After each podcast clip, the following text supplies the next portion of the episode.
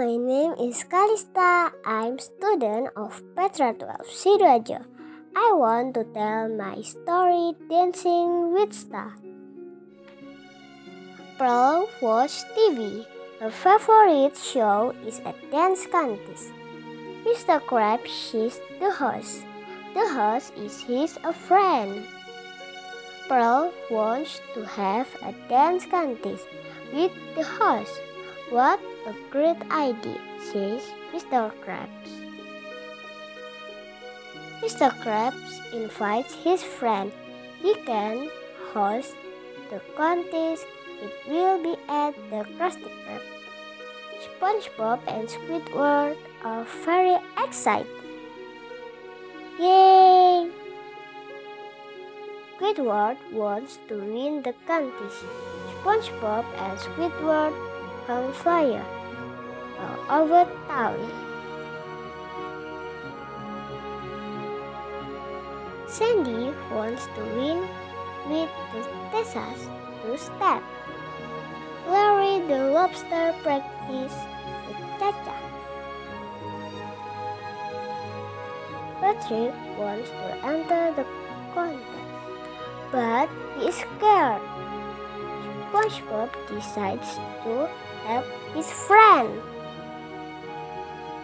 Patrick and SpongeBob go to SpongeBob's house. SpongeBob puts on music. La la la la la. Patrick twice. He flops. Oh no! He falls on his face. Patrick needs help. SpongeBob will train Patrick. SpongeBob help Patrick. Patrick runs.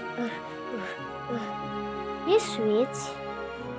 He learns ballet. La la la la la. He dance.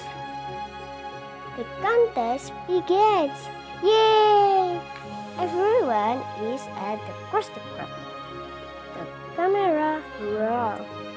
Action! The host greets the crowd.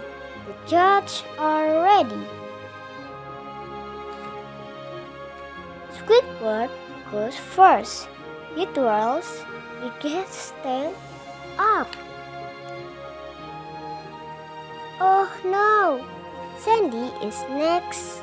She then she is great. Wow. Larry the cha-cha. He is very good. It is Patrick's turn. He is nervous. SpongeBob gives Patrick the thumbs up. Patrick starts. He boogies. He flips across the floor.